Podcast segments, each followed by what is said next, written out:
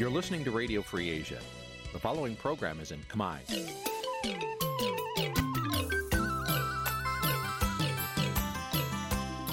នេះជាកម្មវិធីផ្សាយ Vuthu Azizi Serai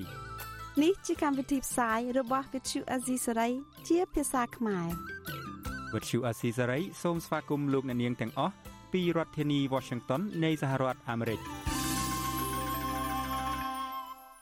ពីរដ្ឋធានី Washington ខ្ញុំបាទមួងណារ៉េតសូមជម្រាបសួរលោកនាងកញ្ញាអ្នកស្ដាប់វិទ្យុអាស៊ីសេរីទាំងអស់ជាទីមេត្រី យើងខ្ញុំសូមជូនកម្មវិធីផ្សាយសម្រាប់ព្រឹកថ្ងៃអង្គារ700ខែផុតរបត់ឆ្នាំឆ្លូវត្រីស័កពុទ្ធសករាជ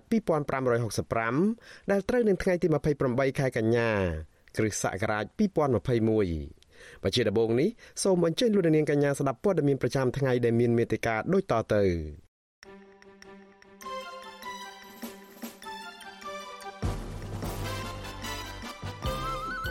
តំណាងរាជសហរដ្ឋអាមេរិកថាសេចក្តីស្នើច្បាប់ដាក់ទណ្ឌកម្មលើមន្ត្រីរបបក្រុងភ្នំពេញ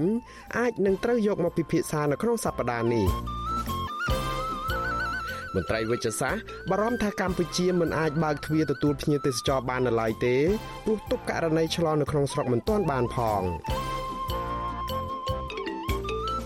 មន្ត្រីក្រសួងការងារបន្តរំលឹកប្រជាពលរដ្ឋកុំឲ្យចាញ់បោកមេខ្យល់រឿងទឹកធការទៅធ្វើការនៅប្រទេសអូស្ត្រាលី អង្គការ UNESCO ថាពិភពលោកត្រូវការព័ត៌មានសេរី ជាមូលដ្ឋានគ្រឹះនៅក្នុងសង្គមប្រជាធិបតេយ្យរួមនឹងព័ត៌មានផ្សេងៗមួយចំនួនទៀតបច្ចុប្បន្នទៅទៀតនេះខ្ញុំបាទមុងណារ៉េតសូមជូនព័ត៌មានទាំងនេះពឺស្ដាបាទលោកនាងជាទីមេត្រីតំណាងរាជសហរដ្ឋអាមេរិកថាសេចក្តីស្នើច្បាប់ដាក់ទណ្ឌកម្មមន្ត្រីរបបក្រុងភ្នំពេញអាចនឹងត្រូវយកមកពិភាក្សានៅក្នុងរដ្ឋសភានៅក្នុងសប្តាហ៍នេះ។ សេចក្តីស្នើច្បាប់នេះមានឈ្មោះថាច្បាប់ប្រជាធិបតេយ្យកម្ពុជាឆ្នាំ2021ឬ HR 4686ច្បាប់នេះត្រូវបានស្នើឡើងដោយតំណាងរាជសហរដ្ឋអាមេរិកនៃគណៈបកសាធារណរដ្ឋមកពីរដ្ឋ Ohio លោក Steve Chabot និងតំណាងរាជសហរដ្ឋអាមេរិកនៃគណៈបកប្រជាធិបតេយ្យមកពីរដ្ឋកាលីហ្វ័រញ៉ាលោក Alan Lowenthal នឹងត្រូវបានគណៈកម្មការកិច្ចការបរទេសនៃរដ្ឋសភាអាមេរិកអនុម័តជាឯកច្ឆ័ន្ទកាលពីចុងខែកក្កដារួចទៅហើយឥឡូវនេះតំណាងរាជអាមេរិក4រូបបន្ថែមទៀតបានចូលរួមគាំទ្រនិងជំរុញឲ្យច្បាប់នេះចេញឆាប់កាលពីថ្ងៃទី24ខែកញ្ញាសេចក្តីស្នើច្បាប់នេះត្រូវបានចាត់ទុកជាការប្រញាប់ដោយត្រូវកាត់ចោលនីតិវិធីខ្លះដើម្បីឈានទៅដល់ការអនុម័តឲ្យបានឆាប់ ប្រធានក្រុមតំណាងរាស្ត្រមតិភាគច្រើននៅរដ្ឋសភាបានបញ្ជាក់កាលពីថ្ងៃទី24ខែកញ្ញាថាសេចក្តីស្នើច្បាប់នេះអាចនឹងត្រូវយកមកពិភាក្សានៅក្នុងរដ្ឋសភានៅក្នុងសប្តាហ៍នេះសេចក្តីស្នើច្បាប់នេះរំលឹកអំពីសាវតានៃការរំលោភសិទ្ធិមនុស្សនិងការបំផ្លាញប្រជាធិបតេយ្យនៅកម្ពុជា ក្រោមការដឹកនាំរបស់លោកនាយរដ្ឋមន្ត្រីហ៊ុនសែនជាពិសេសការរំលាយគណៈបកសង្គ្រោះជាតិ ការបន្តធ្វើទុកបុកម្នេញប្រធានគណៈបកនេះគឺលោកកម្មសុខានិងការរៀបរៀងមិនឲ្យលោកសំរងស៊ីវិលចូលស្រុកវិញជាដើមសេចក្តីស្នើច្បាប់នេះក៏រំលឹកអំពីការដែលអាជ្ញាធររបបក្រុងភ្នំពេញបន្តចាប់ចងនិងធ្វើទុកបុកម្នេញសកម្មជនបកប្រឆាំងនឹងការបោះឆ្នោតកន្លងមកដែលគ្មានភាពសេរីត្រឹមត្រូវនិងយុត្តិធម៌គោលបំណងនៃសេចក្តីស្នើច្បាប់នេះគឺដើម្បីដាក់ទណ្ឌកម្មលើមន្ត្រីជាន់ខ្ពស់នៃរបបលោកហ៊ុនសែនដើម្បីដាក់សម្ពាធឲ្យរបបនេះ ស្ដារសិទ្ធិមនុស្សនិងប្រជាធិបតេយ្យឡើងវិញដូចជាទម្លាក់ចោលបទចោទប្រកាន់លើលោកកម្មសុខាអនុញ្ញាតឲ្យគណៈបកសង្គ្រោះជាតិបើកដំណើរការឡើងវិញផ្ដល់អាសនៈស្របច្បាប់ទៅមន្ត្រីជាប់ឆ្នោតទាំងអស់របស់បកប្រឆាំង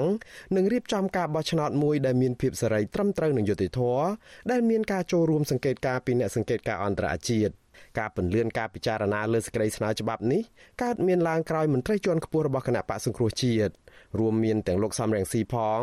បានជួបជាមួយតំណាងរាជសហរដ្ឋអាមេរិកជាច្រើនរូបកាលពីសប្តាហ៍មុនបាឡូនានជាទីមេត្រី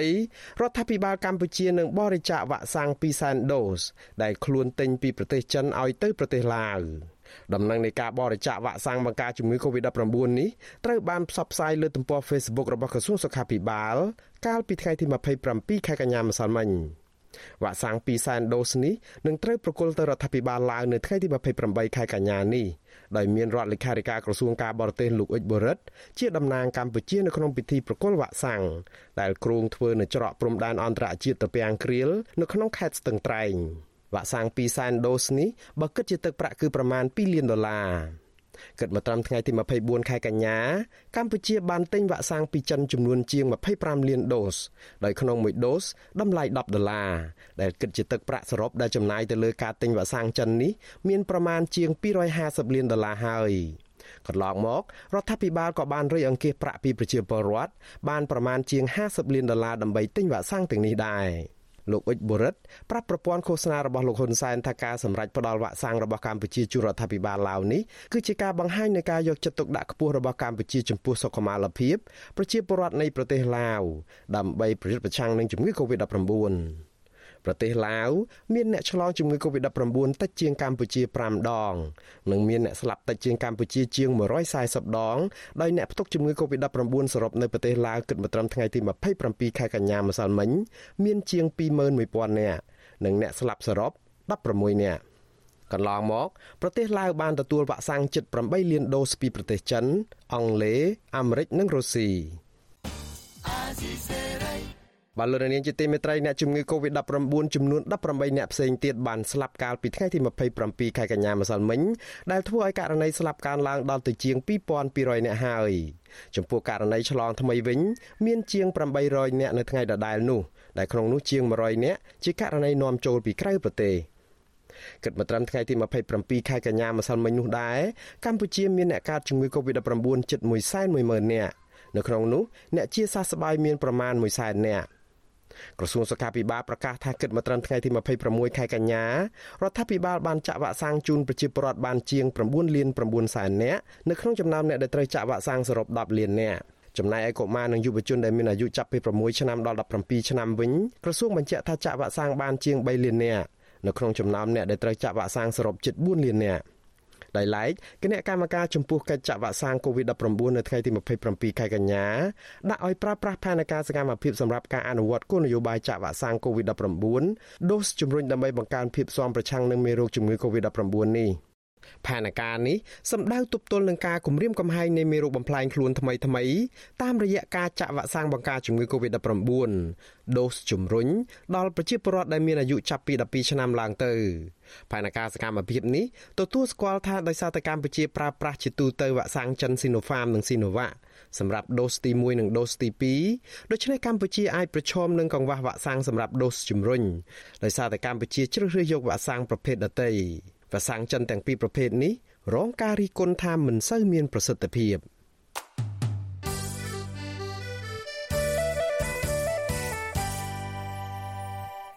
បាឡូរនាងជាទីមេត្រីជំវិញប្រសិទ្ធភាពនៃវ៉ាក់សាំងចិននេះមន្ត្រីវិទ្យាសាស្ត្របារម្ភថាកម្ពុជាមិនអាចបើកទ្វារប្រទេស ដើម្បីទទួលភ្ញៀវទេសចរបាននៅឡើយទេព្រោះករណីឆ្លងជំងឺ Covid-19 នៅមិនទាន់អាចគ្រប់គ្រងបាននៅឡើយបើទោះបីជាកម្ពុជាបានចាក់វ៉ាក់សាំងស្ទើរពេញផ្ទៃប្រទេសយ៉ាងណាក្តីគិតមកត្រឹមថ្ងៃទី26ខែកញ្ញាកម្ពុជាចាក់វ៉ាក់សាំងជូនប្រជាពលរដ្ឋបានជាង13លាននាក់ឬជិត100%ក៏ប៉ុន្តែវ៉ាក់សាំងស្ទើរតែទាំងអស់ជាវ៉ាក់សាំងចិននៅក្នុងរយៈពេលមួយសប្តាហ៍ចុងក្រោយនេះអត្រានៃអ្នកឆ្លងជំងឺ Covid-19 បានកើនឡើងទ្វេដង ប្រធានសមាគមគ្រូពេទ្យគុណធម៌កម្ពុជាលោកអ៊ូយវុធីថាកម្ពុជាត្រូវការរយៈពេលយូរនឹងការសិក្សាស៊ីជម្រៅបន្ថែមទៀតលើប្រសិទ្ធភាពនៃវ៉ាក់សាំងបង្ការជំងឺ Covid-19 ដែលបានចាក់ជូនប្រជាពលរដ្ឋនៅទូទាំងប្រទេសមុននឹងបើកប្រទេសទទួលអ្នកខាងក្រៅព្រោះបច្ចុប្បន្ននេះកម្ពុជាកំពុងជួបការលំបាករួចទៅហើយ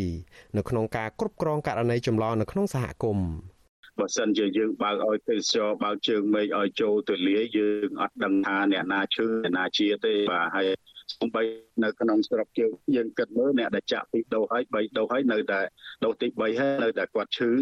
កន្លែងហ្នឹងហើយគួរណាតែយើងញែកយ៉ាងម៉េចយើងការពារយ៉ាងម៉េចហើយ ឲ្យមានលិខិតឆ្លងដែននៃយ៉ាងម៉េចដើម្បីទទួលស្គាល់ថាគាត់ជាចនិកជនឬមួយជាជនជាតិមួយចូលមកស្រុកយើងក៏អត់មានឈឺអីទេអាហ្នឹងបានយើងជាពុតបើសិនជាមកប្រឡូកពកពេញស្រុកទៀតហ្នឹងខ្ញុំជឿថាយើងនឹងអាចមានហានិភ័យកាន់តែខ្លាំងឥឡូវហ្នឹងយើងគិតមើលគ្រាន់តែភ្ជុំបិណ្ឌប្រហែលថ្ងៃហ្នឹងណែទៅឆ្លងពេញវត្តអារាមទាំងអស់ ប្រតិកម្មរបស់មន្ត្រីវិទ្យាសាស្ត្ររូបនេះធ្វើឡើងក្រោយលោកនាយរដ្ឋមន្ត្រីហ៊ុនសែនអះអាងដោយភាពជឿជាក់ថាល្បឿននៃការចាក់វ៉ាក់សាំងនៅកម្ពុជានឹងធានាសុវត្ថិភាពទំនុកចិត្តនិងភាពជឿជាក់របស់ទេសចរជាតិនិងអន្តរជាតិឡើងវិញ។ ថ្លែងនៅក្នុងសារលិខិតចុះថ្ងៃទី22ខែកញ្ញាសម្រាប់ទិវាទេសចរពិភពលោកខូបលើកទី41កាលពីថ្ងៃទី27ខែកញ្ញាម្សិលមិញលោកហ៊ុនសែនថាកន្លងមកវិស័យទេសចរបានបំពេញតួនាទីយ៉ាងសំខាន់សម្រាប់កំណើនសេដ្ឋកិច្ចសង្គមក៏ប៉ុន្តែកម្ពុជារងផលប៉ះពាល់យ៉ាងខ្លាំងពីការធ្លាក់ចុះផ្នែកទេសចរដោយចំនួនទេសចរអន្តរជាតិបានថយចុះរហូតដល់ជាង80%ប៉ះពាល់ការងារដោយផ្ទាល់ជាង110,000នាក់ លោកហ៊ុនសែនព្យាករថាទេសចរនឹងបន្តធ្លាក់ចុះទៀតនៅក្នុងឆ្នាំ2021នេះបើទោះបីជាយ៉ាងនេះក្តីលោកវិជ្ជបណ្ឌិតអ៊ូចវុធីថាកម្ពុជាអាចស្វាគមន៍ភ្ញៀវទេសចរអន្តរជាតិបាន តែក្នុងករណីដែលកម្ពុជាអាចគ្រប់គ្រងករណីឆ្លងនៅក្នុងស្រុកនិងបង្កើនប្រព័ន្ធប្រសិទ្ធភាពនៃការតាមដានអ្នកឆ្លងដែនគ្រប់ច្រកល្ហកតែប៉ុណ្ណោះលោកថាដើម្បីធ្វើដូច្នេះបាន កម្ពុជាត្រូវការពេលវេលាយូរតទៅទៀត។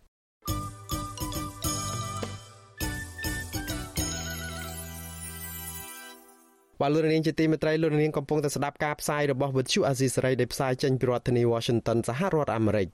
នៅឯខេត្តភៀកអេសានឯណោះមន្ត្រីសង្គមស៊ីវិលនិងជនជាតិដើមភៀកតិចភ្នងព្រួយបារម្ភអំពីដំណាភាពនៅក្នុងការគ្រប់គ្រងចំណូលពីរ៉ែមាសពួកគាត់ខ្លាចអំពើពុករលួយធ្វើឲ្យបាត់បង់ទាំងចំណូលពីធនធានធម្មជាតិនិងប៉ះពាល់ដល់បរិស្ថាននិងសង្គមតើមូលហេតុអ្វីដែលនាំឲ្យពួកគាត់បារម្ភយ៉ាងនេះនិងតើពួកគាត់មានសំណូមពរអ្វីខ្លះដល់រដ្ឋាភិបាលដើម្បីដោះស្រាយបញ្ហានេះ។ បាទសូមលន់នាងរងចាំស្ដាប់សេចក្តីរាយការណ៍ពិស្ដារជំរឿងនេះនៅក្នុងការផ្សាយរបស់យើងនាពេលបន្តិចទៀតនេះបាទសូមអរគុណ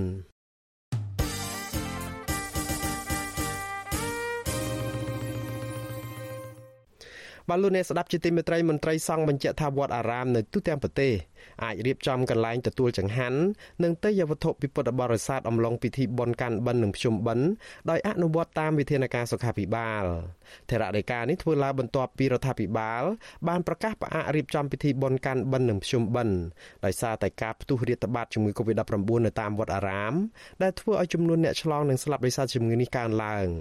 បាទលោកលេងម៉ាលីមានសេចក្តីរាយការណ៍ជំវិញព័ត៌មាននេះ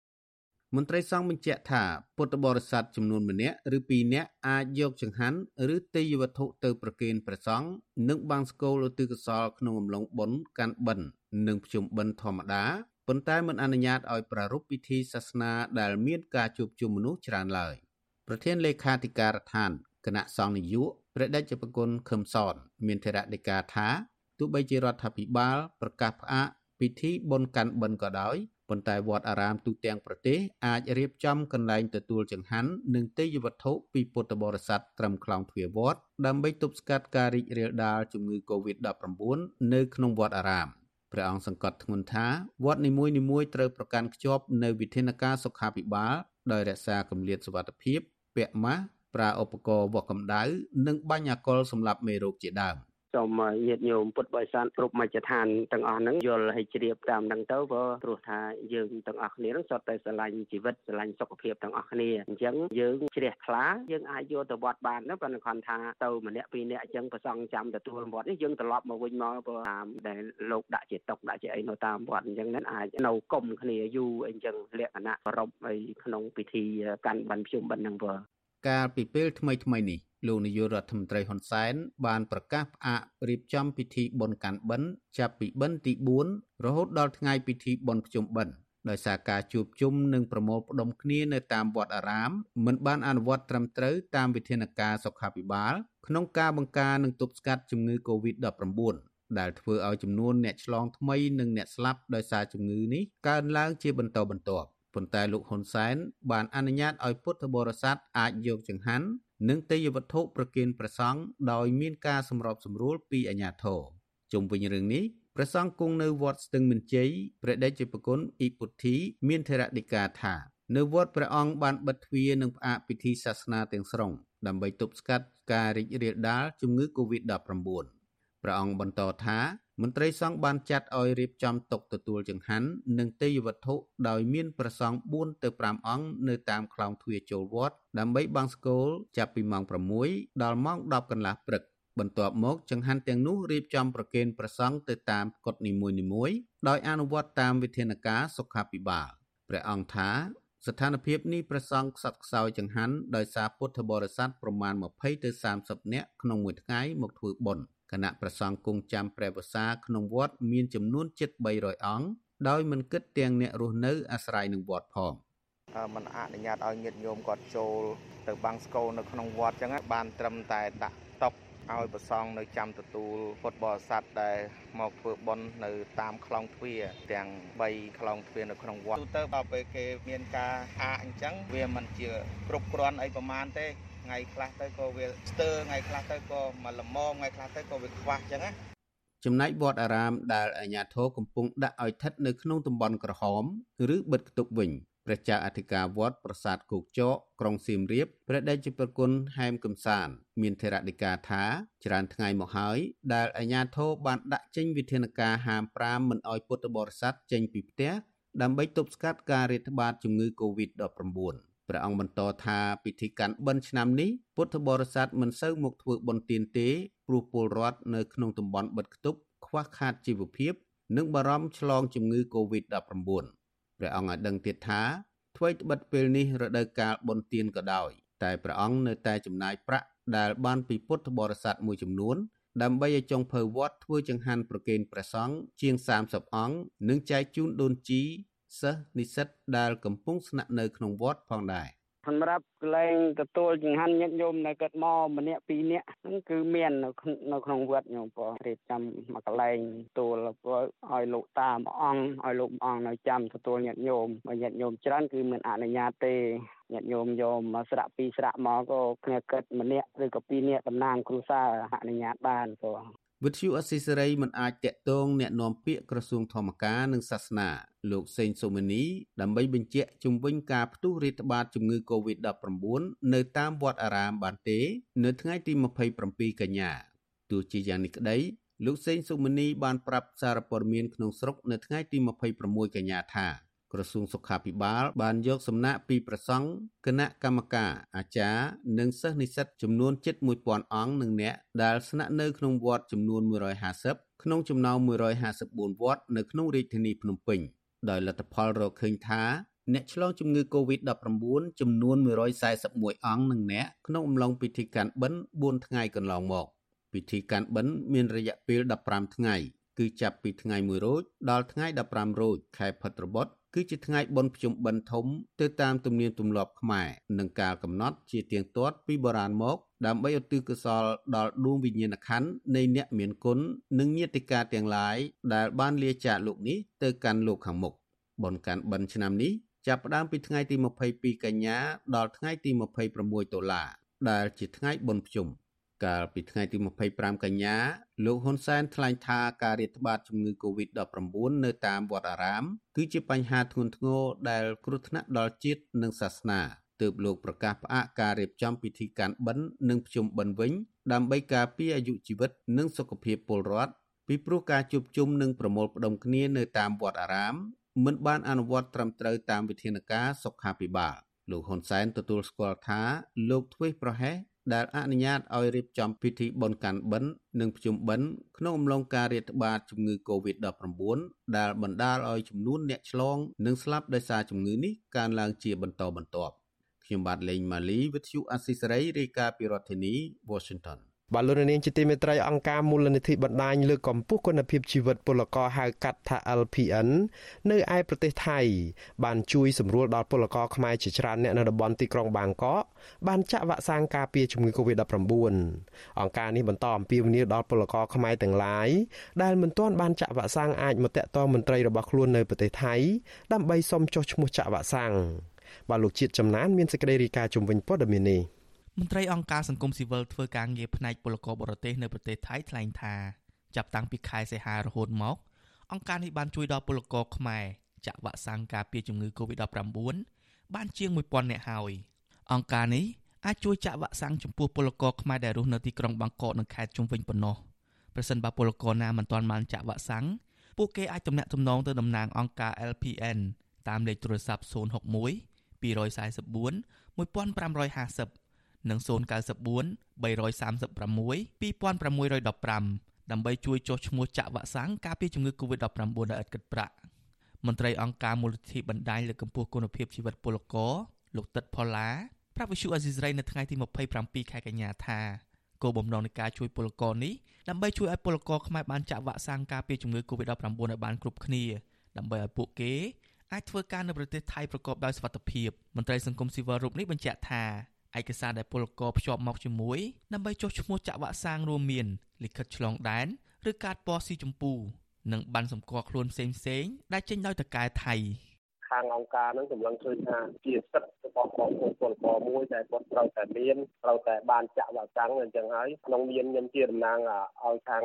មូលនិធិក៏ខ្ញុំខំខ្នះខ្នែងដើម្បីបញ្យល់ឲ្យពួកគាត់ថតមុខឯកសារមុខអីមកលេខទូរស័ព្ទអីដើម្បីដាក់ចូលទៅឲ្យបានចាក់វ៉ាក់សាំងទាំងអស់គ្នាព្រោះថាយើងឃើញថា COVID-19 នៅក្នុងប្រទេសថៃវាកំពុងធូរខ្លាំងអញ្ចឹងហើយគេសង្កត់ធ្ងន់ឲ្យយើងនឹងមានការចាក់វ៉ាក់សាំងកន្លងមកមានពលករខ្មែរជាច្រើនអ្នក ចង់ចាក់វ៉ាក់សាំងការពារជំងឺ Covid-19 នៅប្រទេសថៃប៉ុន្តែពួកគេពុំដឹងទៅតាក់ទងនៅស្ថាប័នណាដើម្បីចាក់វ៉ាក់សាំងនោះទេពលករខ្មែរធ្វើការរោងចក្រគ្រឿងអគ្គិសនីនៅខេត្តសមុទ្រប្រការ លោកជួនឌឿនថ្លែងថាពលករខ្មែរធ្វើការជាមួយលោកប្រមាណ20នាក់មិនទាន់ចាក់វ៉ាក់សាំងការពារជំងឺ Covid-19 នៅឡើយទេពលករវ័យ37ឆ្នាំរូបនេះបញ្ជាក់ថាពួកគេបានស្វែងរកចាក់វ៉ាក់សាំងជាច្រើនថ្ងៃមកហើយប៉ុន្តែរកមិនបាននោះទេ ឡើយខ្ញុំខ្ញុំអត់ឃើញមានការឲ្យចាក់ឲ្យចាក់ឲ្យណាដែរបងគេថាទៅតែមានគឺមានឯកសារគ្រប់គ្រាន់បានយើងទៅលំទៅមានបានវាណាទីប្រាប់បញ្ញាដែរទៅចាក់ឡើយណាឡើយណាខ្ញុំមកទៅចាក់ខ្ញុំចង់ចាក់គាត់មិននឹងទៅរស់នៅកន្លែងណាទីចុះមកកន្លែងណាទីចាក់ចាក់ជុំវិញរឿងនេះវិសុអេស៊ីសរ៉ៃមិនអាចតាក់ទងមន្ត្រីស្ថានទូតខ្មែរប្រចាំប្រទេសថៃដើម្បីសូមអត្ថាធិប្បាយជុំវិញបញ្ហានេះបានទេនៅថ្ងៃទី27ខែកញ្ញាពលករខ្មែរធ្វើការសំណង់នៅទីក្រុងបាងកក លោកឈុនសុខឿនប្រាប់ថានៅកន្លែងធ្វើការរបស់លោក មានពលករខ្មែរប្រមាណ50នាក់មិនទាន់ចាក់វ៉ាក់សាំងនៅឡើយទេលោកបន្តថាពលលោកចង់ចាក់វ៉ាក់សាំងការពារជំងឺ Covid-19 ព្រោះលោកព្រួយបារម្ភពីសុខភាពដោយសារតែនៅកន្លែងពលលោកធ្វើការជាតំបន់ដែលមានការរាតត្បាតជំងឺ Covid-19 ខ្លាំងឃើញថាបើសិនតែមានអញ្ចឹងហ្នឹងគឺល្អមែនទែនដោយសារបងប្អូនពលករខ្មែរជាច្រើនដែលគាត់ជួនកាលទៅគាត់អត់ទៅមានសុខភាពវិសាអត់បានចាក់ហើយគាត់ដែលគាត់ ក៏បានចាក់នេះគឺដោយសារគាត់ខ្លះគាត់ខ្លាចអស់លុយច្រើនបាទព្រោះយើងវាអត់មានតែរយៈក្នុងការចុះឈ្មោះយើងឬក៏យើងអត់ដឹងអីចឹងណាបងបាទហ្នឹងហើយគឺពេលនេះគឺខ្ញុំខ្ញុំសង្ឃឹមថាអង្គការហ្នឹងគាត់ជួយដល់ពលករខ្មែរជាច្រើនដែលមិនទាន់បានចាក់ឲ្យគាត់បានចាក់គ្រប់គ្នាដើម្បីឲ្យមានសុខភាពជាផុតពីជំងឺ Covid-19 ហើយខ្ញុំក៏ត្រេកអរណាស់ហើយខ្ញុំក៏ បានឮថាព័ត៌មានថាអង្គការគាត់ជួយដល់ពលករខ្មែរបាទបាទបើសិនតើមានមែនគឺខ្ញុំនឹងតាក់ទងទៅបាទរបាយការណ៍របស់អង្គការសង្ត្រាល់ឲ្យដឹងថាបច្ចុប្បន្នមានពលករខ្មែរធ្វើការងារស្របច្បាប់និងមិនស្របច្បាប់ជិត2លាននាក់ដែលធ្វើការនៅប្រទេសថៃក្នុងចំណោមនោះគិតត្រឹមថ្ងៃទី6ខែកញ្ញាក្រសួងសុខាភិបាលថៃបានរកឃើញពលករខ្មែរជាង23000នាក់ឆ្លងជំងឺ Covid-19 មន្ត្រីអង្គការ LPN លោកទឹកផល្លាជឿថារហូតមកដល់ពេលនេះមានពលករខ្មែររាប់សែននាក់មិនទាន់បានចាក់វ៉ាក់សាំងការពារជំងឺ Covid-19 ដូច្នេះអង្គការរបស់លោកនៅតែបន្តជួយសម្រួលដល់ពលករដើម្បីចុះឈ្មោះចាក់វ៉ាក់សាំងរហូតដល់ចប់គម្រោងចាក់វ៉ាក់សាំងការពារជំងឺ Covid-19 របស់រដ្ឋាភិបាលថៃ ខ្ញុំបាទជាជំនាញ Visual Society ពីរដ្ឋធានី Washington បាទលោកនាងជាទីមេត្រីលោកនាងកំពុងតែស្ដាប់ការផ្សាយរបស់វិទ្យុអាស៊ីសេរីដែលផ្សាយចេញពីរដ្ឋធានី Washington សហរដ្ឋអាមេរិកលោកនាងក៏អាចស្ដាប់ការផ្សាយរបស់វិទ្យុអាស៊ីសេរីដំណើរគ្នានេះនៅក្នុងការផ្សាយតាមបណ្ដាញសង្គម Facebook និង YouTube នេះដែរតាមរយៈរលកធាតុអាកាសខ្លីឬក៏ Short Wave ពេលព្រឹកចាប់ពីម៉ោង5កន្លះដល់ម៉ោង6កន្លះតាមរយៈរលកធាតុអាកាសខ្លី9940 kHz ស្មើនឹងកម្ពស់ 30m ពេលយប់ចាប់ពីម៉ោង7កន្លះដល់ម៉ោង8កន្លះតាមរយៈរលកធាតុអាកាសខ្លី9960 kHz ស្មើនឹងកម្ពស់ 30m និង11240 kHz ស្មើនឹងកម្ពស់ 25m បាទសូមអរគុណ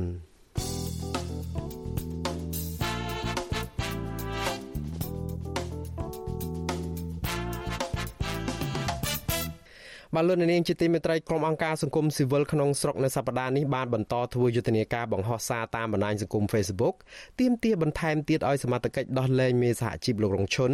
និងសកម្មជនសង្គមចំនួន7នាក់សាច់ញាតិនិងសហជីពគ្រប់គ្រងយុទ្ធនាការនេះហើយពួកគេជំរុញឲ្យរដ្ឋាភិបាលនិងតុលាការទម្លាក់ចោលបទចោទលើសកម្មជនទាំងអស់ដោយគ្មានលក្ខខណ្ឌនៅសប្តាហ៍ទី8នេះ ក្រមសង្គមស៊ីវិលបន្តលើកឡើងជាថ្មីអំពីការចាប់ខ្លួនប្រធានសហភាពសហជីពកម្ពុជា និងជាតំណាងក្រុមប្រឹក្សាឃ្លាំមើលកម្ពុជាលោករងឈុនក្នុងបទចោទញុះញង់ឲ្យប្រព្រឹត្តបទអក្រិតជាអាតនិងការចាប់ខ្លួនយុវជនសង្គមចំនួន7នាក់នៃក្រុមខ្មែរថាវរៈនិងសមាជិកនៃសមាគមសម្ព័ន្ធនិស្សិតបញ្ញវន្តខ្មែរដែលបានតវ៉ាដោយអហិង្សាជំទាស់ទៅនឹងការចាប់ខ្លួនលោករងឈុនកាលពីខែសីហានិងខែកញ្ញាឆ្នាំមុន ក្រមសង្គមស៊ីវិលនៅតែបង្ហាញការសោកស្ដាយចំពោះការចាប់ខ្លួនអ្នកទាំង8នាក់ព្រោះសកម្មភាពរបស់ពួកគេគ្រាន់តែចង់ការពារយុត្តិធម៌សង្គមនិងលើកកម្ពស់សិទ្ធិមនុស្សតែប៉ុណ្ណោះតែបែរជារងការគំរាមកំហែងបំផិតបំភ័យនឹងការចាប់ដាក់ពន្ធនាគារដោយអយុត្តិធម៌ទៅវិញ កាលពីសប្តាហ៍មុនមុនក្រុមសង្គមស៊ីវិលបានប្រៀបធៀបសកម្មភាពសង្គមរវាងអ្នកកំពុងជាប់ឃុំទាំង8នាក់ទៅនឹងសកម្មជនបរទេសដែលតែងតែទទួលបានការគ្រប់គ្រងនិងការលើកដំកើងនិងការជួយជ្រោមជ្រែងពីអាជ្ញាធររដ្ឋរបស់គេយ៉ាងពេញទំហឹងនៅក្នុងសប្តាហ៍នេះក្រុមសង្គមស៊ីវិលមិនបន្តការប្រៀបធៀបបែបនេះទៀតទេក៏ប៉ុន្តែពួកគេបានលើកយកមតិរបស់សាច់ញាតិរបស់សកម្មជនទាំង8នាក់មកតាំងបង្ហាញនៅក្នុងរូបថតនៃយុទ្ធនាការលើកនេះ សាច់ញាតិរបស់អ្នកទាំង8នាក់នោះលើកឡើងស្រដៀងស្រដៀងគ្នាថាសកម្មភាពរបស់សកម្មជនទាំងនោះគឺជាការការពារផលប្រយោជន៍ជាតិនិងទាមទារឲ្យរដ្ឋាភិបាលទម្លាក់បទចោទប្រឆាំងលើពួកគាត់អ្នកទាំង8នាក់នោះមានលោករងឈុនដែលត្រូវបានតឡាការកាត់ទោសឲ្យជាប់ពន្ធនាគារ2ឆ្នាំពីបទចោទញុះញង់ដោយសារតែការបញ្ចេញមតិពីបញ្ហាព្រំដែនកម្ពុជាវៀតណាមអាយុវជនហ៊ុនវណ្ណៈស្ត្រីឈឿនដារាវីលោកថាឡាវី កញ្ញាអេងម៉ាឡៃហៅសូមេតា លោកមានព្រំមនីលោកមួងសុភ័ក្រនិងប្រដេជប្រគុណកើតសរាយពួកគាត់កំពុងតែជាប់ឃុំបណ្ដោះអាសន្នជាង1ឆ្នាំមកហើយនៅក្នុងបទចោទញុះញង់ឲ្យមានភាពវឹកវរធ្ងន់ធ្ងរដល់សន្តិសុខសង្គមពាក់ព័ន្ធនឹងការតវ៉ាទាមទារឲ្យតុលាការដោះលែងលោករងឈុននេះ សាច់ញាតិរបស់អ្នកជាប់ឃុំគាំទ្រយុទ្ធនាការនេះនឹងស្នើសុំរដ្ឋាភិបាលនិងតុលាការទម្លាក់ចោលបទចោទនិងដោះលែងសកម្មជនទាំង8នាក់នោះវិញប្អូនស្រីរបស់កញ្ញាអេងម៉ាឡៃហៅសូមេតាគឺកញ្ញាអេងវ៉ាន់ឌីមិនចង់ឲ្យតុលាការបន្តឃុំខ្លួនសកម្មជនទាំង8នាក់នេះតទៅទៀតទេព្រោះកញ្ញាថាការឃុំខ្លួនដោយអយុត្តិធម៌ជាង1ឆ្នាំមកនេះបានបណ្ដាលឲ្យពួកគាត់ទ្រុឌទ្រោមសុខភាពជាខ្លាំងអ យុធម៌សម្រាប់ពួកគាត់យុវជនទាំងអស់គ្នាពួកគាត់ធ្វើដើម្បីយុវជនចំនួនក្រោយហើយនិងសង្គមយើងចឹងណាវត្តជូអាស៊ីសេរីមិនអាចសុំការបញ្ជាក់ពីអ្នកនាំពាក្យគណៈកម្មាធិការសិទ្ធិមនុស្សរបស់រដ្ឋាភិបាលលោកកតាអូននៅថ្ងៃទី27ខែកញ្ញាក៏ប៉ុន្តែទោះជាយ៉ាងនេះក្តីមន្ត្រីរដ្ឋាភិបាលរូបនេះធ្លាប់បញ្ជាក់ថាយុទ្ធនាការនេះគឺជាសិទ្ធិរបស់អង្គការឯការសម្រេចក្តីបែបណាគឺជាឆន្ទានុសិទ្ធិរបស់មន្ត្រីតុលាការ ចំណែកឯអង្គការសមាគមសហជីពនិងបណ្ដាញប្រជាពលរដ្ឋនិងសហគមន៍អន្តរជាតិឯនោះទៅវិញពួកគេជឿថាសំណុំរឿងអ្នកទាំង8នាក់នេះគឺជាការបង្ក្រាបសម្លេងរិះគន់ជាជាងការអនុវត្តច្បាប់ក្រៅពីយុទ្ធនាការដែលរៀបចំឡើងដោយអង្គការសង្គមស៊ីវិលខាងសហជីពកម្មកររោងចក្រក៏ចូលរួមគាំទ្រការស្នើឲ្យដោះលែងអ្នកទាំង8រូបនេះដែរប្រធានសហព័ន្ធសហជីពស៊ីខៅឌូលោកគង់អាទិត្យ ឲ្យដឹងថាសហជីពនិងកម្មករមួយចំនួន បានចូលរួមទាមទារឲ្យដោះលែងលោករងឈុននិងសកម្មជនទាំងអស់ព្រោះពួកគាត់ជឿថាអ្នកទាំង8នាក់នោះមិនមានកំហុសទេលោកមិនចង់ឲ្យមានការបន្តឃុំខ្លួនលោករងឈុនតទៅទៀតព្រោះការធ្វើបែបនេះវាជាឥទ្ធិពលមិនល្អដល់សេរីភាពបញ្ចេញមតិរបស់សហជីព ធ្វើឲ្យមានការភ័យឬក៏ចង់និយាយថាបារម្ភពីបណ្ដាសកម្មជនផ្សេងផ្សេងដែរអញ្ចឹងណាវាមិនប៉ះពាល់អីដល់វិស័យកាត់ដេរអីជាទ្រង់ទ្រាយធំអីទេគាត់ថាវាប៉ះពាល់ដល់សេរីភាពក្នុងការបញ្ចេញមតិវាប៉ះពាល់ក្នុងការងារឲ្យវាបានសេរីជាងមុនអីចឹងណាព្រោះវាធ្វើឲ្យមានការរៀងប៉ះពាល់ដល់អារម្មណ៍ពួកកម្មជនដូចខ្ញុំដូចអីចឹងដែរអញ្ចឹងណា ចាប់តាំងពីឆ្នាំ2020មករបបក្រុងភ្នំពេញបានបង្កើនការចាប់ខ្លួនអ្នករិះគន់ឡើងវិញ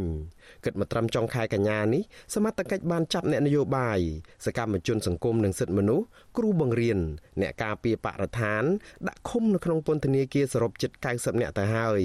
ដោយសារតែការអនុវត្តសិទ្ធិជាមូលដ្ឋានរបស់ពួកគាត់ចំនួននេះមិនទាន់រាប់បញ្ចូលទាំងជនរងគ្រោះពីការលបវាយរបស់ជនមិនស្គាល់មុខនិងជនរងគ្រោះកំពុងតែរត់ភៀសខ្លួននោះទេ អង្គការសិទ្ធិមនុស្សជាតិនិងអន្តរជាតិនិងក្រុមអ្នកជំនាញសិទ្ធិមនុស្សរបស់អង្គការសហប្រជាជាតិផង បានទាមទារឲ្យរដ្ឋាភិបាលដោះលែងសកម្មជនទាំងអស់ហើយត្រូវបញ្ឈប់អំពើរំលោភសិទ្ធិមនុស្សបែបនេះតទៅទៀត thank you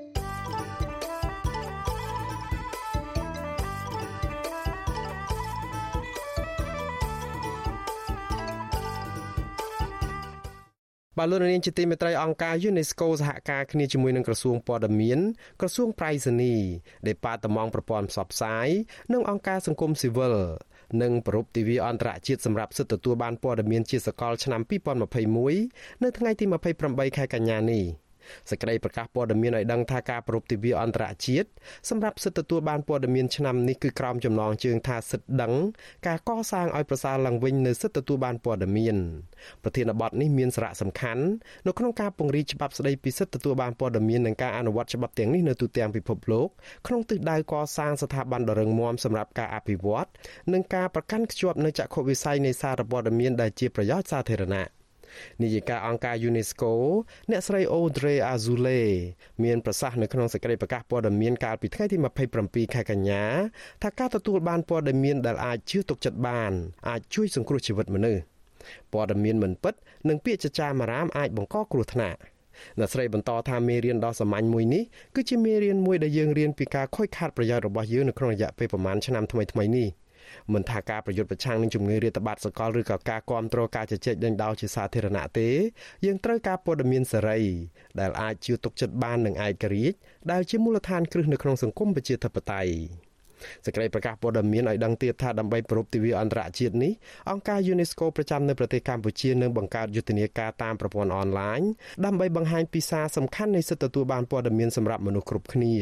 ដែលជាផ្នែកមួយនៃសិទ្ធិមនុស្សជាមូលដ្ឋាន ដើម្បីធានាថាមិនទុកនរណាម្នាក់ចោលអង្គការ UNESCO ដែលជាសម្ព័ន្ធរបស់អង្គការសហប្រជាជាតិទទួលបន្ទុកលើកកម្ពស់ការផ្សព្វផ្សាយអំពីលំហូរនៃគំនិតសេរីតាមរយៈពាក្យសម្ដីនិងរូបភាព UNESCO សហការជាមួយនឹងការិយាល័យឧត្តមស្នងការសហប្រជាជាតិទទួលបន្ទុកផ្នែកសិទ្ធិមនុស្សនិងដៃគូសហការនិងទីភ្នាក់ងារអភិវឌ្ឍជាតិស៊ុយអែតកំពុងតែធ្វើការជាមួយគ្នាដើម្បីឆ្ពោះទៅរកការពង្រឹងលើសិទ្ធិទទួលបានព័ត៌មានសេរីភាពនៅក្នុងការបញ្ចេញមតិនិងការអភិវឌ្ឍប្រព័ន្ធផ្សព្វផ្សាយនៅកម្ពុជា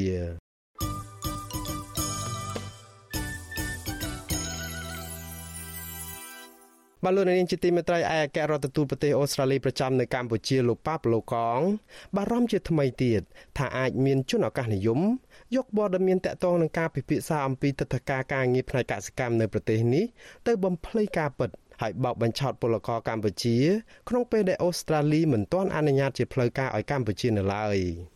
ក្តីបារម្ភរបស់លោកឯកអគ្គរដ្ឋទូតនេះធ្វើឡើងនៅក្នុងជំនួបរវាងលោកជាមួយនឹងរដ្ឋមន្ត្រីការងារកម្ពុជាលោកអ៊ិតសំហេងកាលពីថ្ងៃទី27ខែកញ្ញាម្សិលមិញអំពីចំណាប់អារម្មណ៍របស់កម្ពុជាលើគម្រោងទឹកធការកសិកម្មអូស្ត្រាលីនៅក្នុងនោះលោកអ៊ិតសំហេងបានស្នើសុំឲ្យឯកអគ្គរដ្ឋទូតអូស្ត្រាលីពិចារណាផ្ដល់ឱកាសដល់ពលករកម្ពុជាបានចេញទៅធ្វើការនៅប្រទេសអូស្ត្រាលីឲ្យបានច្រើនលើផ្នែកកសិកម្ម បើទោះបីជាយ៉ាងណារឿងនេះភាគីកម្ពុជានិងអូស្ត្រាលីទើបតែចាប់ផ្ដើមពិភាក្សានិងចែករំលែកព័ត៌មានតែប៉ុណ្ណោះគឺពីនីតិវិធីយន្តការនិងប្រព័ន្ធគ្រប់គ្រងពលករការជ្រើសរើសបញ្ជូននិងគ្រប់គ្រងដើម្បីធានាទប់ស្កាត់បាននូវហានិភ័យឬការបោកបញ្ឆោតការកេងប្រវ័ញ្ចកម្លាំងពលកម្មនិងការជួញដូរមនុស្សជាដើម។ ស្ថានទូតអូស្ត្រាលីបញ្ជាក់ថាបើទោះបីជាការពិភាក្សាទាំងនេះបានចាប់ផ្ដើមបច្ចុប្បន្ននេះមិនមានទិដ្ឋាការកសិកម្មរវាងប្រទេសអូស្ត្រាលីនិងកម្ពុជានៅឡើយទេ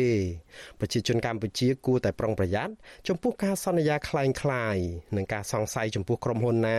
ដែលអះអាងថាគេអាចរៀបចំទិដ្ឋាការកសិកម្មសម្រាប់អូស្ត្រាលីបាននោះ។ ប្រទេសអូស្ត្រាលីបានប្រកាសពីគម្រោងទិដ្ឋាការកសិកម្មរបស់ខ្លួន កាលពីចុងខែសីហាឆ្នាំ2021ដោយជ្រើសរើសពលករផ្នែកកសិកម្មនេសាទនិងជលផល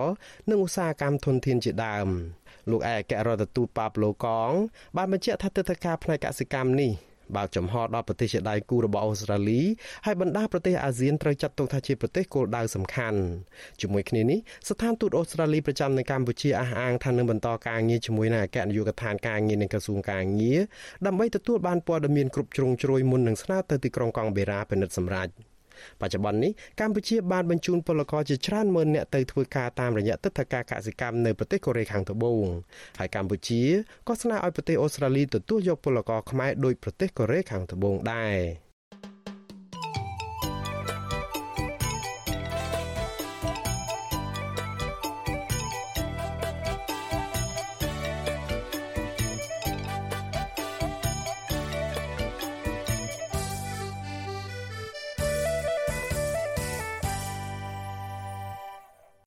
បាទលោកនាងជាទីមេត្រីមន្ត្រីអង្គការសង្គមស៊ីវិលនិងជុតជាតិដើមភៀតតិចភ្នងនៅឯខេត្តមណ្ឌលគិរីអំពាវនាវឲ្យរដ្ឋាភិបាលគ្រប់គ្រងចំណូលពីរ៉ែមាសឲ្យមានដំណាភាពនិងប្រសិទ្ធភាពខ្ពស់ជៀសវាងអំពើពុករលួយព្រមទាំងធ្វើយ៉ាងណាបញ្ជៀសផលប៉ះពាល់ដល់បរិស្ថាននិងសង្គម ការលើកឡើងនេះធ្វើឡើងបន្ទាប់ពីក្រុមហ៊ុនអូស្ត្រាលីឈ្មោះថា Renaissance Minerals Cambodia ដែលទទួលបានសិទ្ធិវិនិយោគពីរដ្ឋាភិបាលកម្ពុជា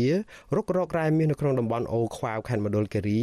បានចម្រាញ់រ៉ែមាសជាង500គីឡូក្រាមគិតត្រឹមតែរយៈពេល3ខែចុងក្រោយនេះបាទលោកមានរិទ្ធមានសេចក្តីរាយការណ៍លម្អិតជំវិញព័ត៌មាននេះជនជាតិដើមភាគតិចភ្នងនិងមន្ត្រីសង្គមស៊ីវិលសាទរលទ្ធផលចម្រាញ់រ៉ែមាសរបស់ក្រុមហ៊ុនអូស្ត្រាលីនេះក៏ប៉ុន្តែពួកគេស្នើឲ្យរដ្ឋាភិបាល យកចិត្តទុកដាក់ខ្ពស់គ្រប់គ្រងចំណូលពន្ធប្រកបដោយតម្លាភាពសុចរិតភាពនិងគណនេយ្យភាពនាយកប្រតិបត្តិអង្គការដំឡាភិបកម្ពុជា លោកពេជ្រពិសីយល់ថារដ្ឋាភិបាលត្រូវធានាពីដំឡាភិបនិងសុចរិតភាពនៃការប្រមូលពន្ធរ៉ែមាសទាំងនេះធ្វើយ៉ាងណាប្រុងប្រយ័ត្នឲ្យបានខ្ពស់ទប់ស្កាត់មិនឲ្យមានអំពើពុករលួយ និងភាពមិនប្រក្រតីនានាទាក់ទងទៅនឹងការគ្រប់គ្រងចំណូលពន្ធជាតិ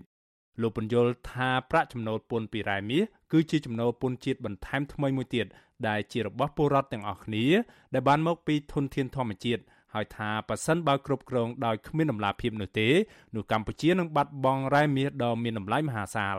លោកបញ្យល់ថាប៉ះសិនបើការទាញយករ៉ែមាសធ្វើឡើងដោយគ្មានការប្រុងប្រយ័ត្ននិងខ្វះដំណាភាពនោះនឹងអាចធ្វើឲ្យចំណូលជាតិបាត់បង់និងបង្កឲ្យកម្ពុជាគ្មានឯករាជ្យហិរញ្ញវត្ថុជាដើម ថវិកាដែលចេញពីរ៉ែជាថវិការបស់ពលរដ្ឋជាថវិកាដែលសល់ទុកមករាប់ពាន់រាប់លានឆ្នាំពីធម្មជាតិអញ្ចឹងបើសិនជាយើងគ្រប់គ្រងវាអត់មានប្រសិទ្ធភាពទេហើយមានការបាត់បង់បបាក់ត្រឡប់មកវិញព្រោះយើងដឹងហើយកម្រិតនៃមាសមានកំណត់ខ្ញុំគិតថាអនុសាសន៍សំខាន់មួយគឺយើងប្រមូលគ្រប់នៅចំណូលចេញពីមាសហ្នឹងបាទកុំឲ្យមានការបាត់បង់មន្ត្រីសង្គមសិវរុកនេះបន្ថែមថារដ្ឋាភិបាល ត្រូវបង្ហាញភាពច្បាស់លាស់ប្រើប្រាស់ប្រាក់ចំណូលពន្ធរ៉ែមាសដោយឆ្លាតវៃបំផុតនិងជំរុញឲ្យមានការវិនិយោគសាធារណៈដូចជាទឹកចរន្តអគ្គិសនីនិងការតភ្ជាប់ផ្លូវថ្នល់សេដ្ឋកិច្ចជាដើមលោកបានថែមថារដ្ឋាភិបាលគួរតែប្រើប្រាស់កញ្ចប់ថវិកាជាតិមួយផ្នែកដែលបានមកពីចំណូលរ៉ែមាសយកទៅអភិវឌ្ឍសហគមន៍នៅមូលដ្ឋានធ្វើយ៉ាងណាឲ្យជនជាតិដើមភាគតិចភ្នងរស់នៅតំបន់នោះទទួលបានផលប្រយោជន៍ពេញលេញដូចជាតាមរយៈការកសាងផ្លូវសាលារៀនមន្ទីរពេទ្យ បណ្ដាញអគ្គិសនីនិងអណ្ដូងទឹកជាដើមលោកបញ្ជាក់ថាបញ្ហាទាំងនេះនឹងអាចអនុវត្តបានដោយជោគជ័យបើរដ្ឋាភិបាលបានព្រមព្រៀងគ្នាជាមួយក្រុមហ៊ុននិងភាគីពាក់ព័ន្ធជាការអនុវត្តដែលល្អគឺធម្មតាកាលណារ៉ែនឹងស្ថិតនៅក្នុងតំបន់ណាមួយ ហើយមានពលរដ្ឋរស់នៅតំបន់ហ្នឹងភាគលាបមួយចំនួនហ្នឹងគេត្រូវចាប់សម្រាប់ការអភិវឌ្ឍតំបន់ហ្នឹងទី1ទី2គឺសម្រាប់ពលរដ្ឋតំបន់ហ្នឹងដែរដើម្បីធានាថាពួកគាត់ជាជនជាតិដើមភាគតិចក្តីជាពលរដ្ឋខ្មែរក្តីដែលនៅតំបន់ហ្នឹងគឺអាចទទួលផលចេញពីរ៉ែដែលគាត់បានរស់នៅជាមួយយូរហើយហ្នឹងបាទវិសុវស៊ីស្រីមិនអាចតាក់ទងសុំការបំភ្លឺរឿងនេះពីអ្នកនាំពាក្យក្រសួងរាយនឹងធម្មពលលោកយុសមនីរ័ត្នបាននៅឡើយទេ នៅថ្ងៃទី27ខែកញ្ញា ព្រោះទូរស័ព្ទហៅចូលច្រើនដងតែគ្មានអ្នកលើកចំណែកឯអ្នកនាំពាក្យរដ្ឋាភិបាលលោកផៃសិផានក៏មិនអាចតាក់ទងបានដែរនៅថ្ងៃដដែលនេះក៏ប៉ុន្តែអគ្គនាយកនៃអគ្គនាយកដ្ឋានធនធានរ៉ែនៃក្រសួងរ៉ែនិងធម្មពលលោកអឹងឌីបូឡាបានប្រាប់កាសែតក្នុងស្រុកកាលពីពេលថ្មីៗនេះថាក្រុមហ៊ុននេះបានបំពេញបែបបទតាមនីតិវិធីគយនិងបាននាំចេញដុំមាស7ជើងស្មើនឹងទម្ងន់ជាង250គីឡូក្រាមដើម្បីយកទៅបន្សុទ្ធជាមាសសុទ្ធនៅប្រទេសអូស្ត្រាលី លោកបញ្ជាក់ថាក្រុមហ៊ុនទើបតែចម្រាញ់រ៉ែមាសចំនួន46ដុំដែលស្មើនឹងប្រមាណ522គីឡូក្រាមក៏ប៉ុន្តែលោកមិនបញ្ជាក់លម្អិតថាតើទំហំដុំមាសទាំងនេះនឹងបង់ពន្ធចូលរដ្ឋចំនួនប្រមាណនោះទេ ជុំវិញរឿងនេះជនជាតិដើមភាគតិចភ្នងអំពាវនាវរដ្ឋាភិបាលយកចំណូលដែលទទួលបានពីវិស័យរ៉ែមាសនេះមកអភិវឌ្ឍស្ថានភាពផ្លូវឲ្យមានគុណភាពនិងស្តង់ដារពីទីរួមខេត្តមណ្ឌលគិរីឆ្ពោះទៅតំបន់អូខ្វាវស្ថិតនៅក្នុងឃុំចុងផ្លាស់ស្រុកកែវសីមាព្រោះបច្ចុប្បន្ននេះពួកគេថាពលរដ្ឋលំបាកធ្វើដំណើរតាមផ្លូវនេះដោយមានភក់ល្បាប់នៅរដូវវស្សានិងមានដីហុយខ្លាំងនៅរដូវប្រាំង អ្នកភូមិរំពឹងថារដ្ឋាភិបាលនឹងទាញយកប្រយោជន៍ពីអាជីវកម្មរ៉ែមាសនេះឲ្យបានត្រឹមត្រូវនិងបណ្ដុះបណ្ដាលយុវជននៅក្នុងខេត្តមណ្ឌលគិរីធ្វើជាកម្មករជំនាញនៅក្នុងវិស័យនេះដើម្បីលើកកម្ពស់ជីវភាពរស់នៅរបស់ពួកគេសមាជិកបណ្ដាញសហគមន៍ជនជាតិដើមភាគតិចភ្នងខេត្តមណ្ឌលគិរីលោកស្រីរឿងហឺនឲ្យដឹងថាក្រុមហ៊ុននេះមិនអនុញ្ញាតឲ្យពលរដ្ឋមូលដ្ឋានធ្វើជាកម្មករជំនាញនោះទេព្រោះពលរដ្ឋភាគច្រើនខ្វះចំណេះដឹងនិងមិនចេះអក្សរលោកស្រីមើលឃើញថា ក្រុមហ៊ុននេះគ្រប់គ្រងកាកសំណល់និងចម្រាញ់រ៉ែមាសបានល្អមិនដូចក្រុមហ៊ុនចិនឈ្មោះរងឆេងនោះទេ ហើយផលប៉ះពាល់ធនធានធម្មជាតិនិងបរិស្ថានក៏មានតិចតួចគឺចង់ឲ្យខាងរាជរដ្ឋាភិបាលហ្នឹងជួយសាងសង់សាលាមន្ទីរពេទ្យឬក៏ជួយបញ្ជូនគ្រូបង្រៀនថែមសម្រាប់ក្មេងចំនួនក្រោយនៅទីនោះហើយ ជួយផ្ដល់ជាប្រាក់ចំណូលទៅដល់ប្រជាពលរដ្ឋនៅទីនោះផងដែរពីព្រោះពួកគាត់ធ្វើតែស្រែចម្ការក្រៅពីនោះគឺចិញ្ចឹមគោក្របីពេលអញ្ចឹងគាត់អត់មានចំណូលអីក្រៅពីហ្នឹងទេហើយក្រុមហ៊ុនហ្នឹងគឺมันអាចយកប្រជាពលរដ្ឋនៅកន្លែងហ្នឹងធ្វើការទេរបាយការណ៍របស់រដ្ឋបាលសាលាខេត្តមណ្ឌលគិរីបង្ហាញថានៅខេត្តនេះមាន10ក្រុមហ៊ុនឬស្មើនឹង11អាជ្ញាប័ណ្ណទទួលសិទ្ធិសិក្សាស្រាវជ្រាវរ៉ែស្ថិតនៅក្នុងភូមិសាស្ត្រខេត្តនេះ ក៏ប៉ុន្តែក្នុងចំណោម10ក្រុមហ៊ុននោះមានតែ2ក្រុមហ៊ុនប៉ុណ្ណោះបានរកឃើញបរិមាណរ៉ែមាសគឺក្នុងនោះមានក្រុមហ៊ុនចិនរងឆេងនិងក្រុមហ៊ុនអូសាលីរឺនេសង់លើពីនេះទៀតខេត្តមណ្ឌលគិរីក៏មានសក្តានុពលរ៉ែជាច្រើនប្រភេទរួមមានរ៉ែមាសសំណនិងរ៉ែបុកស៊ីតជាដើម អភិបាលខេត្តមណ្ឌលគិរីលោកស្វាយសំៀងធ្លាប់លើកឡើងថាអាជីវកម្មរ៉ែទាំងនេះនឹងនាំមកនូវចំណូលសេដ្ឋកិច្ចជូនជាតិរួមចំណែកដល់ការអភិវឌ្ឍខេត្តមណ្ឌលគិរីឲ្យកាន់តែប្រសើរឡើងលោកអាងថាបច្ចុប្បន្នក្រុមហ៊ុនទាំងពីរនេះបានជួយដោះស្រាយបញ្ហាខ្វះខាតនៅតាមមូលដ្ឋានមួយចំនួនរួមមានដូចជាដងទឹក មន្ទីរពេទ្យផ្លូវនិងស្ពានជាដើម មកដល់ពេលនេះគឺមានក្រុមហ៊ុន Renaissance របស់អូស្ត្រាលីបាទដែលក្រុមហ៊ុននេះគាត់បានសិក្សាជាយូរឆ្នាំហើយ ហើយអាចគាត់នឹងធ្វើអាជីវកម្មនៅក្នុងឆ្នាំ2020នេះឬក៏2021នៅពេលដែលគាត់រៀបចំនៅខ្សែសង្វាក់ផលិតកម្មគាត់រួចរាល់ទី2គឺអាចមានក្រុមហ៊ុនចិនមួយរងឆេងក្រុមហ៊ុននោះក៏គាត់បានសិក្សាហើយហើយគាត់នឹងអាចនឹងអាជ្ញាប័ណ្ណធ្វើអាជីវកម្មនៅក្នុងឆ្នាំ2020ឬ2021នេះជុំវិញរឿងនេះ ទីប្រឹក្សាបណ្ដាញសហគមន៍ជនជាតិដើមភាគតិចភ្នងលោកគ្រឿងដុល្លារយល់ថារដ្ឋាភិបាលគួរតែចរចាជាមួយក្រុមហ៊ុន ស្ថាបនាផ្លូវដើម្បីប៉ះប៉ូវផ្លូវចិត្តរបស់ពលរដ្ឋដែលទទួលរងផលប៉ះពាល់ពីអាជីវកម្មរ៉ែមាសនេះលោកថាពលរដ្ឋនៅតែព្រួយបារម្ភពីផលប៉ះពាល់បរិស្ថានដោយសារកន្លងមកមានរឿងរ៉ាវអាស្រូវជាច្រើនពាក់ព័ន្ធនឹងអំពើពុករលួយ និងផលប៉ះពាល់បរិស្ថានដូចជាករណីពុលទឹកអូបណ្ដាលឲ្យពលរដ្ឋស្លាប់ និងគោក្របីជាច្រើនក្បាលងាប់ដោយសង្ស័យថាក្រុមហ៊ុនចិនរងឆេងបង្ហូរកាកសំណល់ចូលទឹកអូធម្មជាតិគាត់ខ្លាចអាជាតិពុលហ្នឹងវាហូរចេញពីទំនប់របស់ក្រុមហ៊ុនហ្នឹងទី2គេបាត់បង់ធនធានធម្មជាតិហើយការប្រើប្រាស់រ៉ែហ្នឹងវាមិនមិនចំគោលដៅវាធ្វើឲ្យមានអំពើពុករលួយច្រើនរាល់ថ្ងៃអញ្ចឹងណាកាលពីអំឡុងខែមិថុនាកន្លងទៅលោកនាយករដ្ឋមន្ត្រីហ៊ុនសែនថ្លែងថាកម្ពុជាអាចផលិតមាសសុទ្ធជាលក្ខណៈឧស្សាហកម្មបានប្រមាណ3តោននៅក្នុងមួយឆ្នាំ ពីជំរករ៉ែនៅតំបន់អូខ្វៅស្រុកកៅសីមាខេត្តមណ្ឌលគិរីលោកអះអាងថាផលិតកម្មរ៉ែមាសនេះអាចផ្ដល់ចំណូលដុលជាមធ្យមប្រមាណជិត200លានដុល្លារនៅក្នុងមួយឆ្នាំហើយរដ្ឋអាចរកចំណូលចូលថវិកាជាតិបានពីសួយសារនិងសារពើពន្ធផ្សេងៗជាមធ្យមប្រមាណ40លានដុល្លារនៅក្នុងមួយឆ្នាំកាលពីឆ្នាំ2018ពលរដ្ឋរស់នៅខេត្តកញ្ចេះនិងខេត្តមណ្ឌលគិរីជិត20នាក់បានស្លាប់ និងជាង400នាក់បានធ្លាក់ខ្លួនឈឺដោយសារតែពុលទឹកអូនិងទឹកប្រេកដែលសង្ស័យថាបង្កមកពីការបង្ហូរកាកសំណល់គីមីជាតិស្យានីតពីសំណាក់ក្រុមហ៊ុនរករករ៉ែមាសរបស់ចិនមួយឈ្មោះរងឆេងដែលធ្វើអាជីវកម្មរ៉ែមាសនៅក្នុងខេត្តមណ្ឌលគិរីជាប់ភូមិសាស្ត្រខេត្តក្រចេះ លើពីនេះទៀតនៅឆ្នាំ2018និងឆ្នាំ2019គោក្របីរបស់ពលរដ្ឋរស់នៅឃុំចុងផ្លាស់ស្រុកកែវសីមារាប់រយក្បាលងាប់ជាបន្តបន្ទាប់សង្ស័យពុលទឹកអូដែលក្រុមហ៊ុនចិនរងឆេងបង្ហូរកាកសំណល់ចូលករណីនេះពលរដ្ឋរាប់រយនាក់ធ្លាប់បានផ្តិតមេដាយស្នើឲ្យអាជ្ញាធរមូលដ្ឋានដោះស្រាយរឿងនេះនិងផ្ដល់សំណងសំរុំក៏ប៉ុន្តែពុំទទួលបានលទ្ធផលអ្វីឡើយខ្ញុំបាទមេរិត Visual C ស្រីរាយការណ៍ពីរដ្ឋធានី Washington បាទលោកនាងជាទីមេត្រីកម្មករវិស័យកាត់ដេរស្នើសុំរដ្ឋាភិបាលផ្ដល់ប្រាក់ឧបត្ថម្ភសម្រាប់ពិធីបុណ្យភ្ជុំបិណ្ឌឲ្យដូចមន្ត្រីរាជការដែរការលើកឡើងនេះធ្វើឡើងក្រោយពេលរដ្ឋាភិបាលបញ្ជាក់ថាការឧបត្ថម្ភប្រាក់50000រៀលឲ្យមន្ត្រីរាជការសម្រាប់ពិធីបុណ្យភ្ជុំបិណ្ឌខាងមុខគឺជាការយកចិត្តទុកដាក់លើជីវភាពមន្ត្រីរាជការអ្នកខ្លំមើលសិទ្ធិការងារជំរុញរដ្ឋាភិបាលយកចិត្តទុកដាក់និងផ្ដល់ការឧបត្ថម្ភឲ្យកម្មករដូចគ្នានេះដែរអ្នកស្រីខែសុណងមានសេចក្តីរាយការណ៍ជំវិញព័ត៌មាននេះ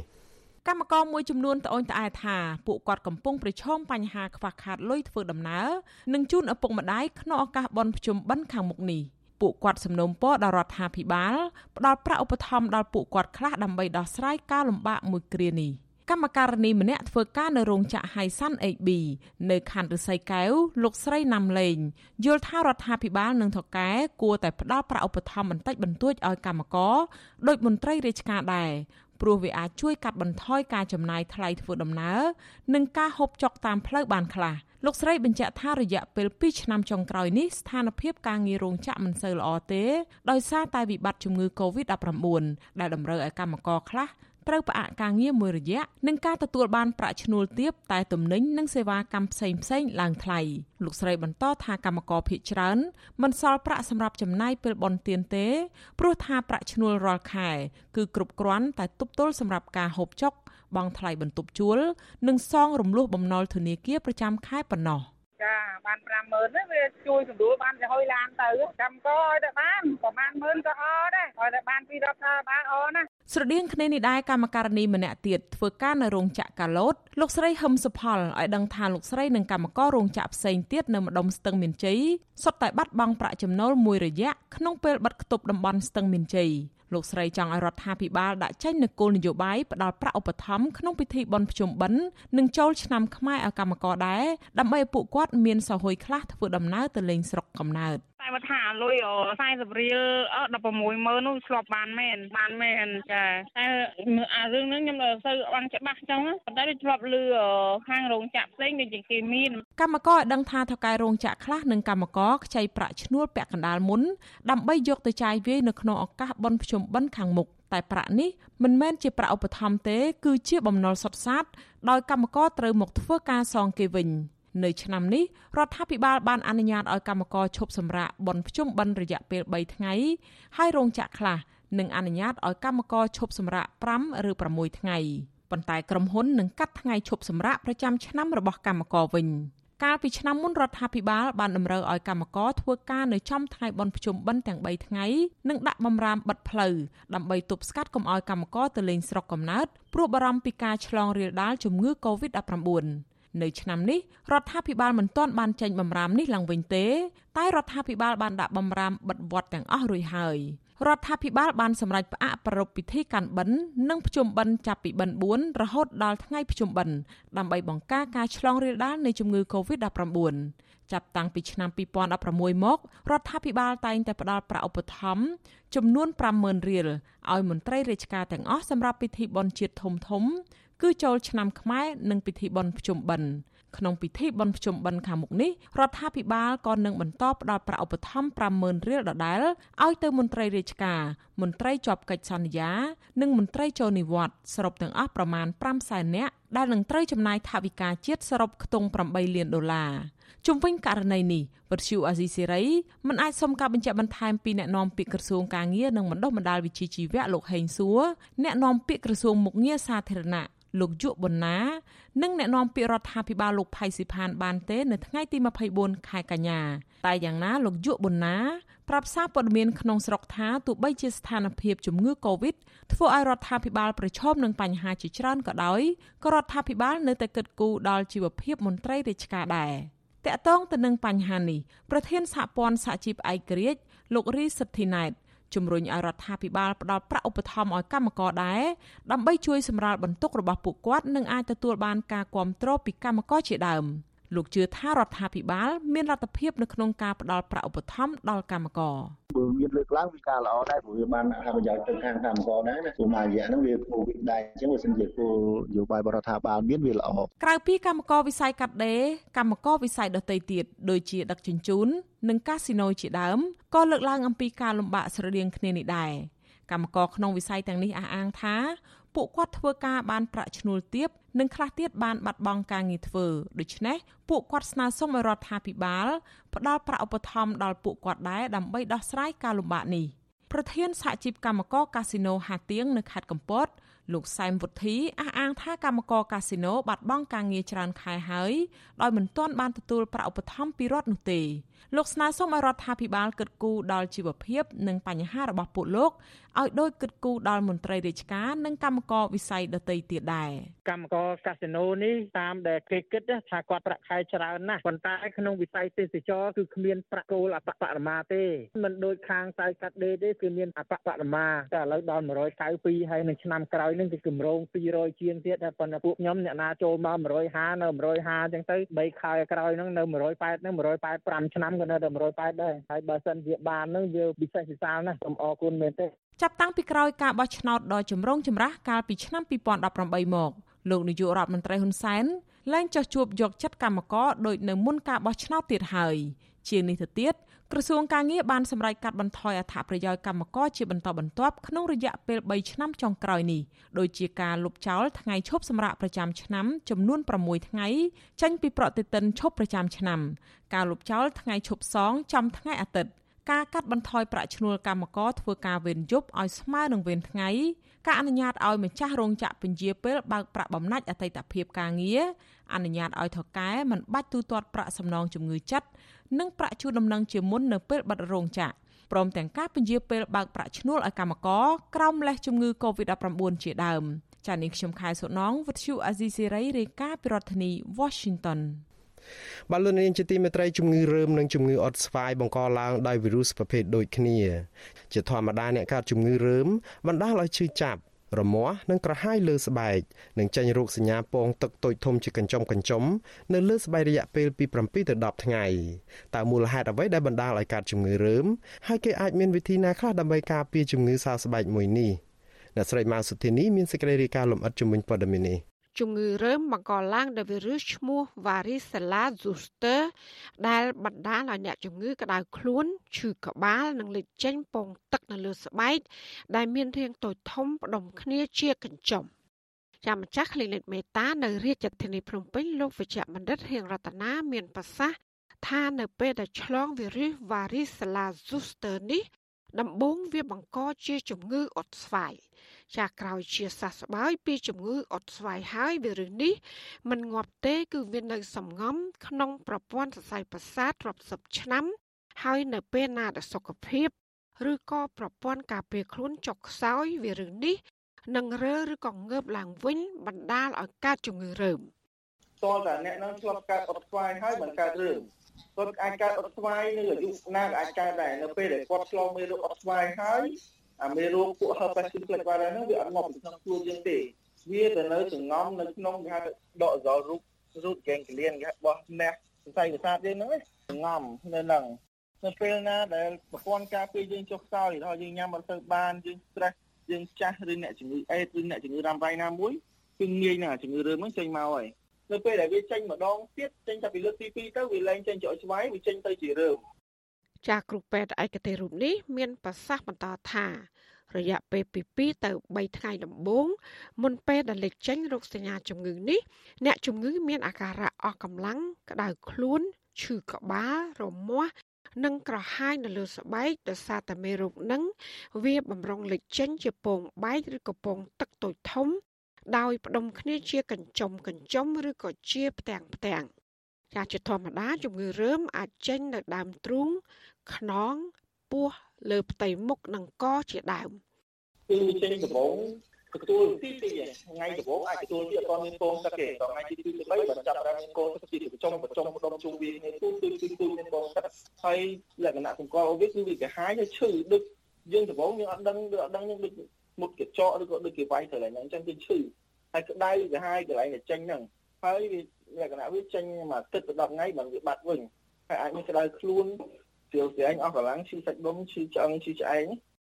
គេហទំព័រសុខភាពក្រុមគ្រូពេទ្យជំនាញ WebMD នៅសហរដ្ឋអាមេរិក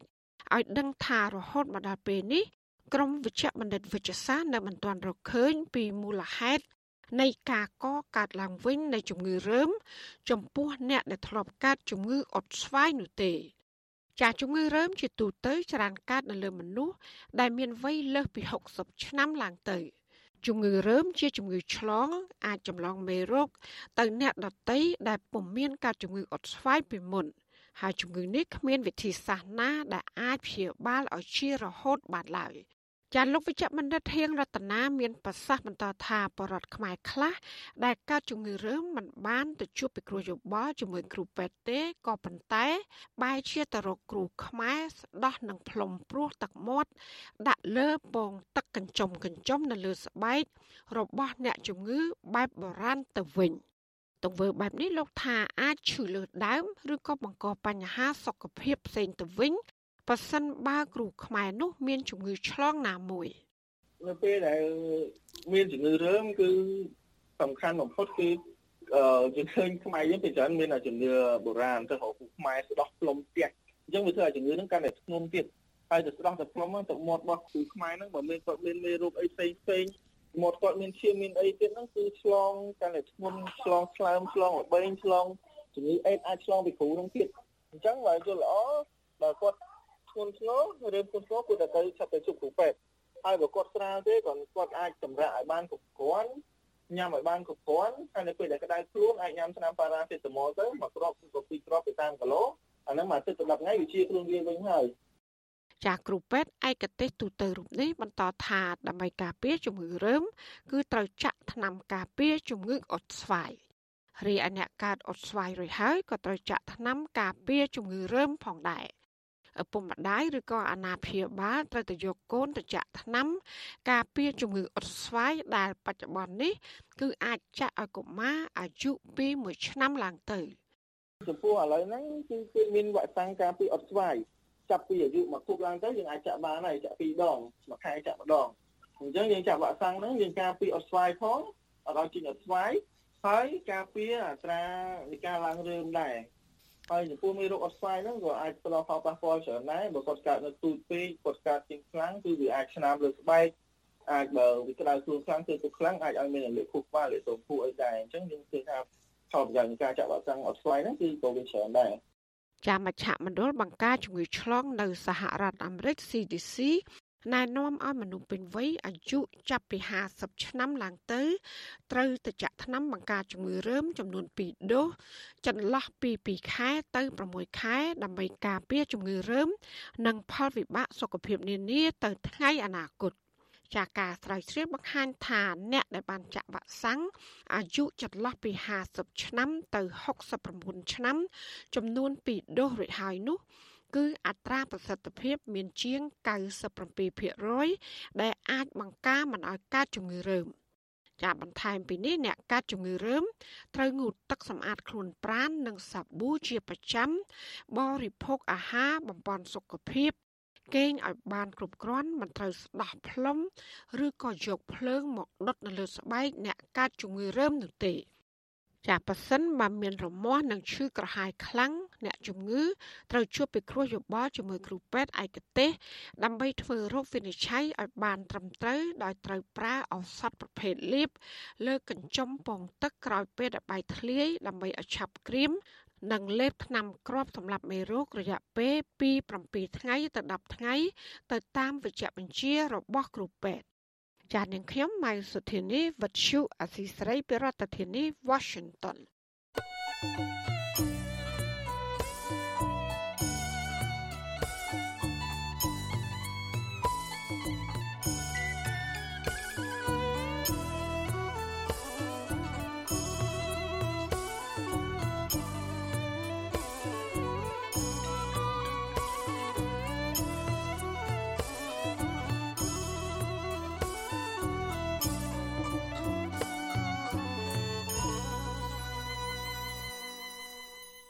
បាទលោកនាងជាទីមេត្រីជាបន្តទៅទៀតនេះខ្ញុំបាទមុងណារ៉េតសូមជូនព័ត៌មានបញ្ចប់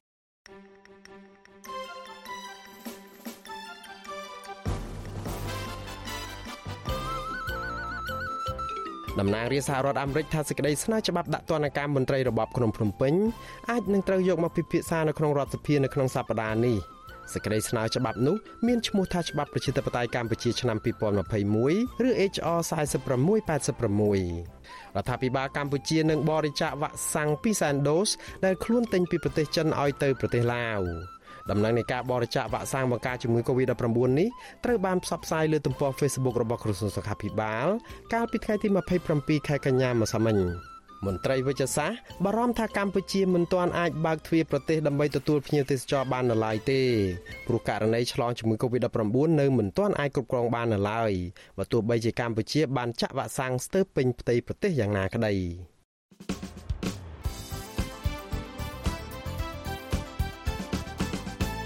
បលរនាងកញ្ញាអ្នកស្ដាប់ជាទីមេត្រីការផ្សាយរយៈពេល1ម៉ោងជាភាសាខ្មែររបស់វិទ្យុអាស៊ីសេរីនៅពេលនេះចប់តែប៉ុណ្ណេះ យើងខ្ញុំសូមជូនពរដល់លោកនាងព្រមទាំងក្រុមគ្រួសារទាំងអស់ឲ្យជួបប្រកបតែនឹងសេចក្តីសុខចម្រើនរុងរឿងកំបីគ្លៀងគ្លាតឡើយខ្ញុំបាទមុងណារ៉េតព្រមទាំងក្រុមការងារទាំងអស់នៃវិទ្យុអាស៊ីសេរីសូមអរគុណនិងសូមជម្រាបលា